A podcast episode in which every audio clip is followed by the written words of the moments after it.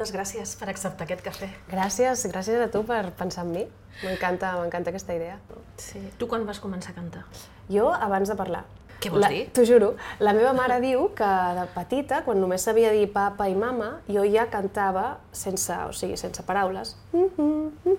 I coses no només improvisades, o sigui, ella, doncs, perquè a ella li agrada molt cantar i el meu pare també, i ho tinc molt natural realment. El que passa que de, de petit em van apu- apuntar a música, això és una cosa que li ha passat a molta gent. I no vaig tenir gens de química amb la profe, però gens, perquè no sé què va passar, que em va fotre una bronca totalment fora de llocs, de sentit. Una bronca amenaçant-me que trucaria la meva mare perquè no m'havia estudiat no sé què, que crec que era més Rosa d'Abril, o sigui, Rosa d'Abril, Morena de la Serra, de Montserrat Estel. Il·lumineu! Que m'encantava a mi, m'encanta. Sí, sí. Que jo vaig decidir que jo no volia anar més a aquella escola i els meus germans van continuar fent música. I recordo quan feien concerts, uns gelos que tenia, em moria de gelosia aquells dies, no volia anar-hi, no sé què, però no reconeixia què és el que em passava, clar. Després em van regalar una guitarra i vaig començar a fer cançons en plan emo, saps? Vull dir, m'enfadava una amiga, li regalava una cançó per demanar-li disculpes i tot això, cançons horribles que mai no ensenyaré a ningú, saps? perquè són supercursis i adolescents, i allò sí que era com el, la fi del món, però, però d'aquí doncs, ja vaig estar sempre connectada d'una manera o d'una altra, però mai m'hagués imaginat que aquesta seria la meva vida. I moltes vegades penso, si pogués per un foradet haver-ho vist, saps?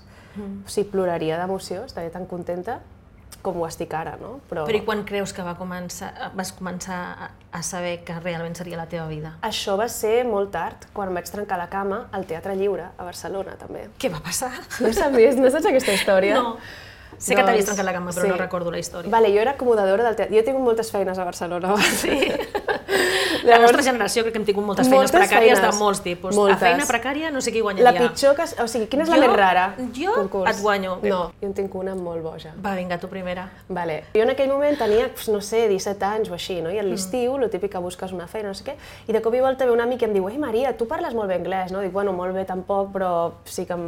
Mira, és que mm, aquí hi ha uns nois que són irlandesos que venen amb una furgoneta i que volen vendre arròs eh, i necessiten una intèrpret. Al final el que venien no era arròs, era asfalt, i anaven per zones de polígons, vale? Sí. a proposar a la gent de fàbriques a arreglar-los el, el paviment, saps? O Sí. el que fos. És bastant friqui, sí És no? bastant friqui. I jo havia d'anar i vendre aquest asfalt.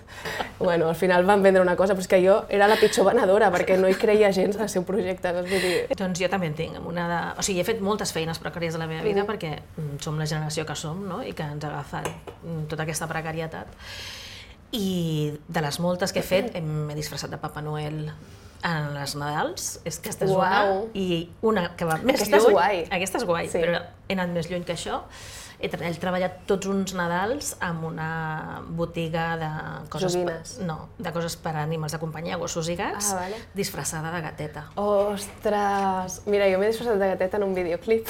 Hauràs quedat millor tu que jo, ja t'ho dic que la teva disfressa segur que era millor que la meva. Ja, bueno, veure. el que era bo de la meva és que em tapava completament, Clar, ningú, ningú em coneixia. Això, i llavors em passava tot el dia dels Nadals i aleshores havia d'inflar molts globus i donar-los a les criatures perquè s'apropessin a la botiga de Clar.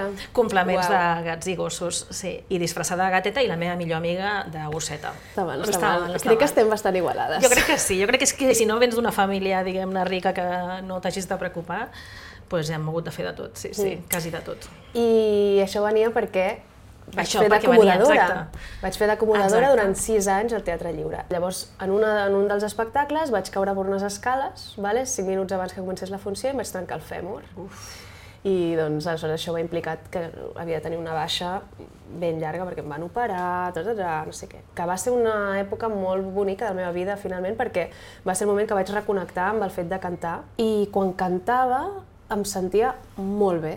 O sigui, era, el contrast era tan bèstia que per mi va ser com dir, però com és que una cosa que és tan, tan, tan forta no l'he posat com a O sigui, però tu protagonista? estaves al llit i cantaves per no sentir-te malament. No ho feia així, era una cosa, no era en plan com si fos en plan... Oh.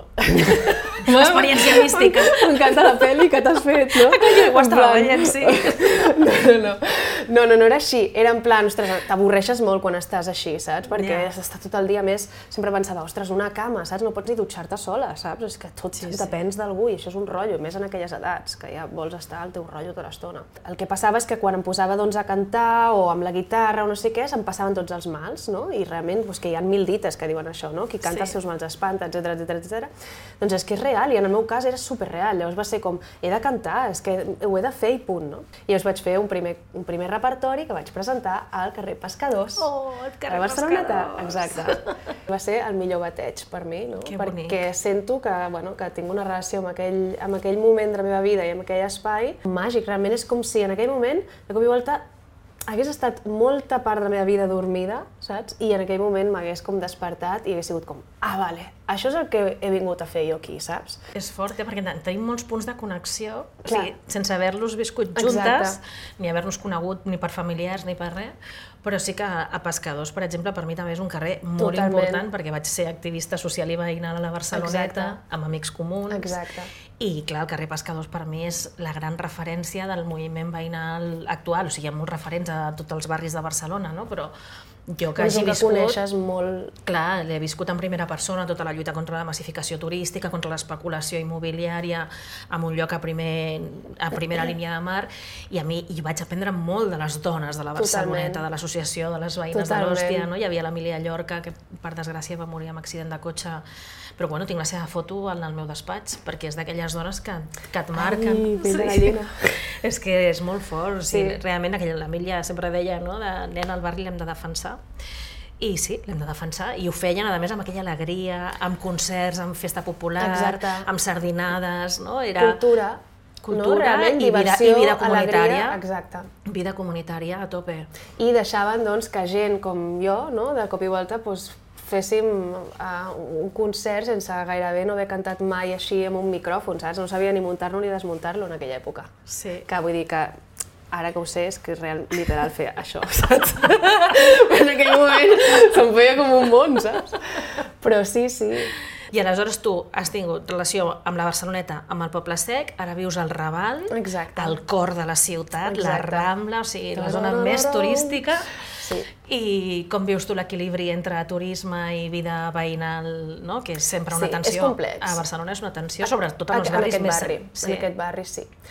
A veure, jo quan em vaig mudar aquí, la veritat és que va ser una sorpresa molt gran perquè jo esperava la intensitat, diguem, que, que estava acostumada que hi hagués aquí, però clar, com que era pandèmia, doncs que hi havia quatre gats, que eren els veïns i prou, no? Eh, I s'hi estava molt bé, però clar, és un molt bé també complicat perquè uf, la pandèmia ha sigut molt complicada per molta gent. No? Realment el, el tema del turisme és un tema molt conflictiu i a mi m'encanta viatjar i sé que bueno, moltes vegades també em- empatitzo també amb la gent que ve perquè jo també sóc aquesta persona quan marxo de viatge. No? Totalment. A més, en la meva feina consisteix, una gran part de, de la meva feina consisteix en viatjar, també, no? Per exemple, la setmana que ve me'n vaig a Vancouver, no? Doncs eh, vaig, tinc una actuació allà que em fa molta il·lusió i doncs trauré segur moments per anar a fer les quatre coses que són les de manual de turisme, no sé com dir-te, saps?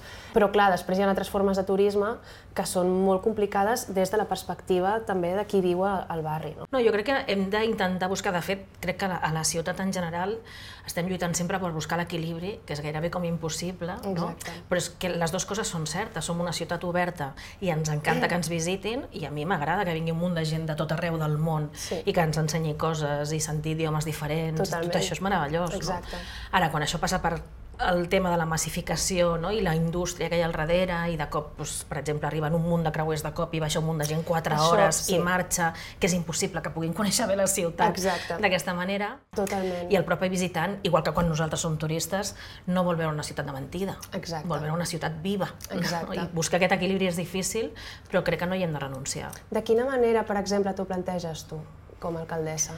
És a dir, per exemple, el tema dels creuers, no? Sí. Clar, és una cosa que no depèn de l'Ajuntament, en aquest cas, però que passa al nostre port i que impacta molt al centre de la ciutat, sobretot, no? perquè pensa que hi ha, hi ha mesos de temporada alta que arriben fins a 400.000 creueristes Sí. en un mes. En aquest cas ho gestiona la Generalitat i els hem de convèncer perquè s'ha de regular. I aleshores, bueno, és que hi hagin alguns creuers, però menys creuers, tants com Totalment. ara no es pot. O sigui, No, no, és que no és això és assumible. no? I ho estan fent, eh? perquè a Balears, per exemple, han regulat, o sigui que es pot regular. Mhm. El que passa és que hi ha pressions econòmiques i tots Clar. sabem que no és fàcil, però nosaltres ho tenim claríssim. O sigui, és que, a més, ho hem demostrat. Nosaltres, quan vam arribar al principi, vam regular els allotjaments turístics i vam limitar els pisos turístics, bueno, de fet, vam prohibir els pisos turístics il·legals i n'hem tancat milers. I vau ser superpioneres amb això també. Sí, i ara hi ha un munt de ciutats d'Europa que ens copien, però sobretot s'ha demostrat un èxit. O sigui, Ja. ens deien que aturaríem l'economia Ja. i no sé què, i no ha passat. Això em sembla que és una cosa increïble, no? De, doncs de la teva manera de, de governar, al final, no? O sigui, com la teva manera d'entendre el teu càrrec, em sembla que és molt potent, perquè sempre estàs com en un, en un lloc com molt singular, molt original, no? D'obrir camins de maneres diferents, que són bones idees, perquè estan funcionant, no? Un dels projectes així que he fet últimament que més m'han flipat vale? és un podcast que hem fet junt amb el José Luis de Vicente eh, pel CCCB. Escolta-te'l, el primer capítol t'encantarà. A més, està molt connectat amb Barcelona. És un podcast en el que bàsicament agafem i parlem sobre l'emergència climàtica, sobre la crisi climàtica, des de la perspectiva del so. Llavors, després hi ha actuacions a capella en llocs amb acústiques de Barcelona que són molt especials, com per exemple el dipòsit d'aigües del Parc Joan Miró. No sé si has estat alguna vegada. No, no Vale, he hi has d'anar, hi has d'anar perquè és increïble. Si és un lloc, és una catedral subterrània real. Doncs, antigament la, la reverberació es gravava en llocs així perquè no, la, no, no existia sintèticament com hi és ara, no? Això ho connecto amb el tema dels creuers, que és el següent. És el següent, Sí, que t'encantarà. Hi ha un senyor que es diu Michel André, que és un científic, vale? un bigo- biòleg acústic.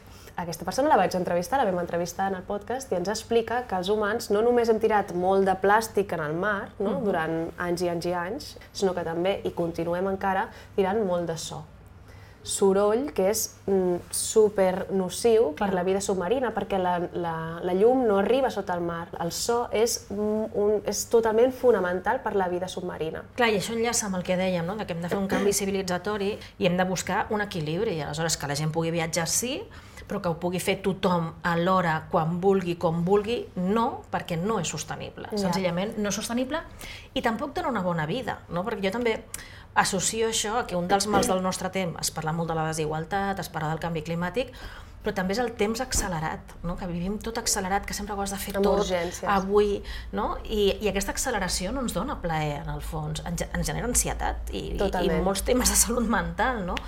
Llavors, aquesta cosa de, no, de fer una, una, una ciutat on el ritme vital sigui més natural, no? I, que, i això passa doncs, això per prioritzar les escoles, la visió dels infants, que ha estat absolutament eh, invisibilitzada durant dècades a la Això és ciutat. un dels projectes que més em flipa també que fas. Jo dels, també dels que estic més convençuda, sí, sí. És, és, és perquè és, però és ficar la diversitat. Pots parlar dels infants, pots parlar de la gent gran, pots parlar de gent de cultures diverses. El que fas és posar la majoria de la ciutat en el centre, que normalment no ha estat així en les polítiques Què públiques. diuen els nens sobre les superilles? És que els hi sembla evident, o sigui, no, no entenen que hi hagi debat, i al contrari, ens diuen que perquè Jo anem tan tampoc no ho lents... entenc. tampoc ho entens No, tu. no.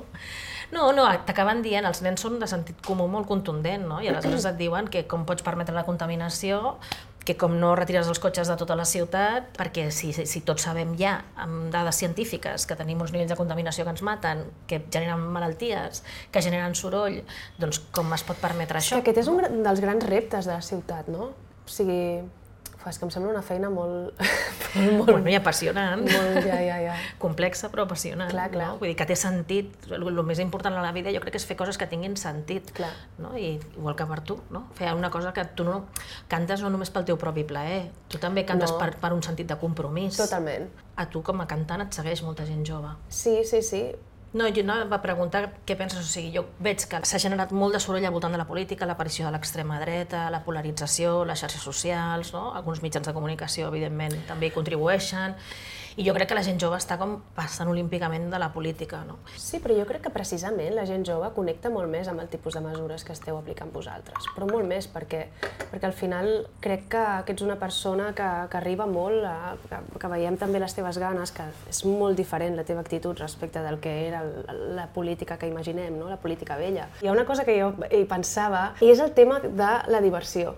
No? Ah, gran pregunta. T'han castigat molt per divertir-te. Sí, algun cop ens hem divertit juntes. Exacte. Que és una cosa que, que trobo que és, que és horrible, si ho penses. O sigui, és com una, una Odiosa. motxilla Sí, sí. odiosa de la teva feina que sembla que una autoritat, bueno, algú que té doncs, Una autoritat dona, perquè jo Exacte. recordo que en el passat algun home s'ha divertit i tots han dit, ah, que majo, que Exacte. simpàtic. Bueno, jo o sigui, no, no, no, poder, no, és accepto, que no, eh? no és que no et diverteixis, però no poder expressar la teva alegria, la teva diversió, si vols ballar, per què ballar ha de ser una falta, no?, aquesta Sí. autoritat, o de fet ens hem trobat ballant juntes. I ha sigut molt I guai. ha sigut molt guai, jo me'n recordo, tinc uns vídeos que són uns tresors allà les carpetes de favoritos per sempre, no? Però, però realment després va ser com, ostres, me'n recordo d'haver parlat després, no? I que tu estaves ben enfadada i no m'estranya perquè, clar, dius, ostres, és que no. No hi ha una vegada que no em diverteixi que per una cosa o per una altra me facin un titular, un Clar. clickbait, un... Però és igual, ella estic, estic en un altre lloc. O sigui, Ja, jo ja. recordo el primer mandat, doncs sí que senties que havies d'aprendre, que havies de demostrar, que havies... No? Ara, mira, amb tot el que ja hem fet, o Ja, sigui, ja, ja. amb tota la feina que hem fet, que hem treballat com ningú, i totes les situacions duríssimes que hem superat, ara ja no, que me critiquen, saps? O Ja. sigui, estic més També hi ha moltíssima gent que et dona molt de suport i que, i que vol que et diverteixis també, no? Sí, jo crec que hi ha un canvi això cultural, no és un- afortunadament, amb això, Exacte, sí. i crec que aquesta és una mirada també més jove, de gent que entén que no perquè vulguis ballar en un acte públic no? i passar-t'ho bé igual que tothom, això d'alguna manera és una falta de teva professionalitat. És que és més, jo últimament pensava que és al contrari, o sigui, primer, a part d'aquella típica frase activista, no? jo que vinc de moviments socials, de que si, si no se puede bailar no es mi revolució. Totalment, i a més o és sigui, com... la subscric cada dia, aquesta de frase. fer unes samarretes, el, els, dies, els dies que vulguis ballar has d'anar amb aquest uniforme. Però és que a més, és que ja no és només que t'ho permetin, és superar això i dir, ballem sempre que puguem. Totalment. Perquè és que t'alli- t'allibera l'esperit, el cos. A més, que és que la, la societat occidental estem molt encarcarades Totalment, amb això. Per exemple, totalment. el Nelson Mandela Clar. ballava a tots els actes, Clar. a tots els actes perquè formava part de la seva forma Exacte. de resistència a l'apartheid i a tota la Exacte. repressió que havia aguantat no? el seu poble durant tants anys d'apartheid i ballar i somriure formava part del seu acte polític més important, Sí, si que era aquí cantar. estic, Clar. aquí estic, m'heu volgut aniquilar i aquí estic. Clar. No? Aleshores, jo ara ballo sempre que puc, ja ho I tinc cantar, claríssim. si vols et puc fer un, unes classes, si vols. Ja m'agradaria, cantar. no m'atreviria, no m'atreviria mai, però és que... No? No, perquè, perquè Jo tu estic cantes segura molt bé. que cantes molt bé, tu. Però què dius? Sí, sí. Cadascuna té les seves No, jo fortaleses. crec que cantes molt bé. No, però espera un moment, Vale, vale, un moment, espera un moment, perdona. Maria, un moment. O sigui, tu cantes tan bé que jo ploro cada cop que t'escolto, i ho saps. Ja, ja, ja. Perquè he anat a molts concerts teu i m'has vist plorar. Sí, és veritat. Jo ploro jo, sempre jo que flipo amb t'escolto. això, o sigui, també se'm fa No molt raro. ser l'única. No, però precisament, o sigui, se'm fa com molt raro, la veritat. Vull dir, dic, Tu tens uau, una uau. connexió que és com, jo què sé, com supranatural, és que, no sé, jo sempre dic que, que tu ets com un artista del renaixement que necessitem pel segle XXI, Ah, uau. saps? Perquè necessitem una nova civilització, o sigui, la necessitem. La, aquesta està caduca, falla per moltes coses, el sistema econòmic, la destrucció del planeta, i s'han de canviar moltes coses. I tu ets com un artista que, que projecta tot això quan canta, i és tan difícil, però Uau. és com que només cantes i generes la imatge d'aquest nou món possible, no? Però t'identifiques o no amb això que dic? Sí, se'm fa sempre com aliè, saps? Em sento una mica com... Clar, a mi no em produeix aquest efecte, saps? Llavors sempre se'm fa com estrany. Però clar, sí que hi ha altres veus que m'emocionen moltíssim i, i reconec aquesta, aquesta, com aquest poder, no sé com dir-ho, però clar, a mi se'm fa raríssim tenir-lo jo. Però bueno, tampoc eh, vull dir... Quin és, quin és, no ho sé, quin és per tu algun cantanor que, que tingui aquest efecte sobre tu, O que, sigui, que et no posi tant la pell de gallina i que et faci veure coses increïbles? O sigui, no te'n podria dir només un. O sigui, crec que hi ha moltes persones, molts artistes increïbles que tenen com aquest poder, però de, a més, per mi mai m'han interessat els gèneres musicals. Mm. Realment m'interessen més com els, els artistes en el moment, no? en, en la seva època, que són capaços doncs, del cop i volta de, de, de, Totalment. de, de revolucionar no? el, el, el, la història de la música en aquell moment. No? Però, per exemple, et diria, no ho sé, ja que estem aquí, doncs una Montserrat Cavaller.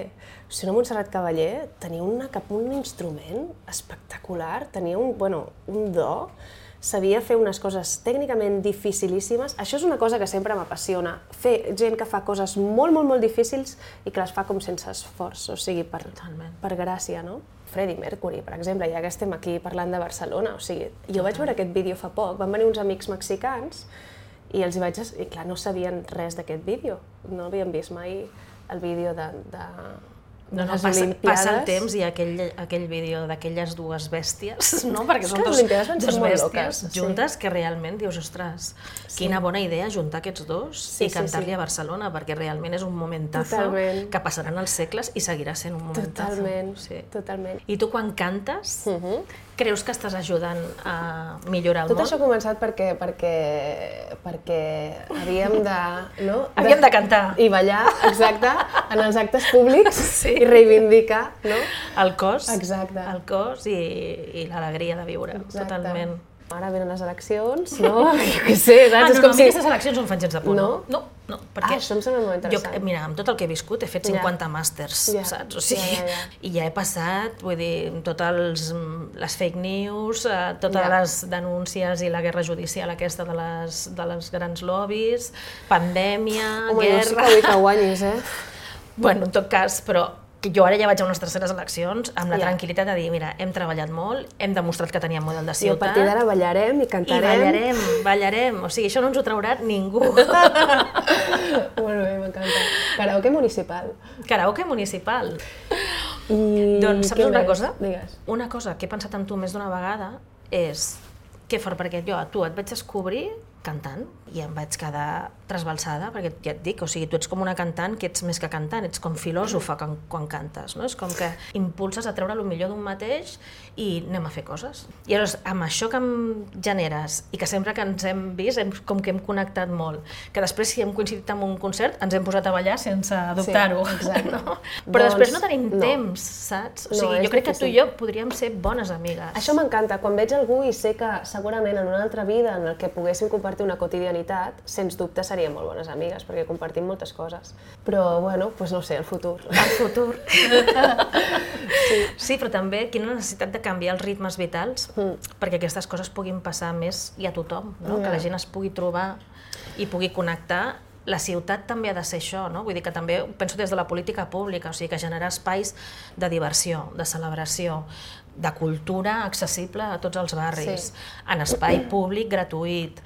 O sigui que això també forma part d'una cultura de ciutat on la gent es faci seva la ciutat i l'espai públic i això permeti múltiples connexions que donin peu a un munt d'idees, a un munt de projectes, no? que la ciutat no pot ser només treballar i sobreviure. No, totalment. I durant molts anys no, ha sigut això, la ciutat, a part de la contaminació i els cotxes, no, que se'n parla més, però aquest ritme vital ens fa mal i l'hem de canviar, no? És... Jo crec que si algú té bo, doncs eh, també tota aquesta tot aquest soroll no, que hi ha sobre, sobre les grans transformacions que heu impulsat en, aquests, en el primer eh, mandat i en aquest segon, és que s'està parlant molt de la ciutat. Sí. La gent de la ciutat, estem parlant molt de la ciutat. el missatge és aquest, no? que més enllà de cada política concreta, que una uh -huh. pots estar més d'acord, una altra menys, ostres, jo crec que nosaltres som sobretot la resposta a aquest clima de resignació que el neoliberalisme portava amb ell, no? de dir, així són les coses, és la llei del més fort, mmm, busca't la vida i salva't tu i la teva família, i hem vist que això era mentida, perquè uh -huh. busca't la vida i salva't tu i la teva família porta a la destrucció del planeta i acabem perdent tots, o sigui que no,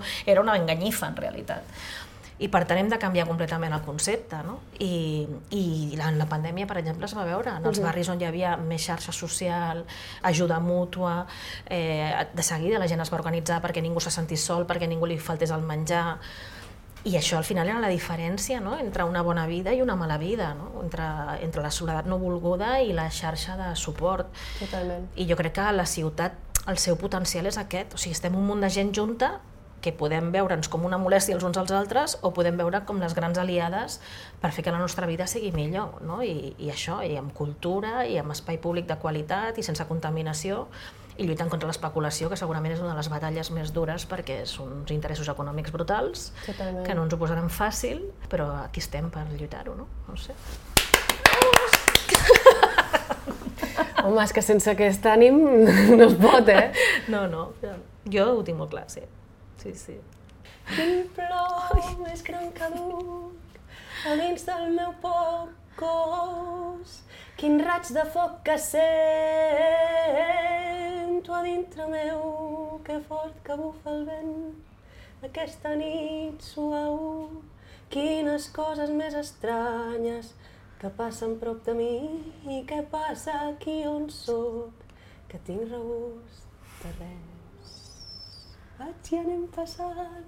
I ja està, no? Que bonica és, aquesta cançó és tan bonica, Ja tan teniu, ja bonica. teniu. La cançó és preciosa, però quan la cantes tu Ai, gràcies. és que és de pell de gallina. Gràcies.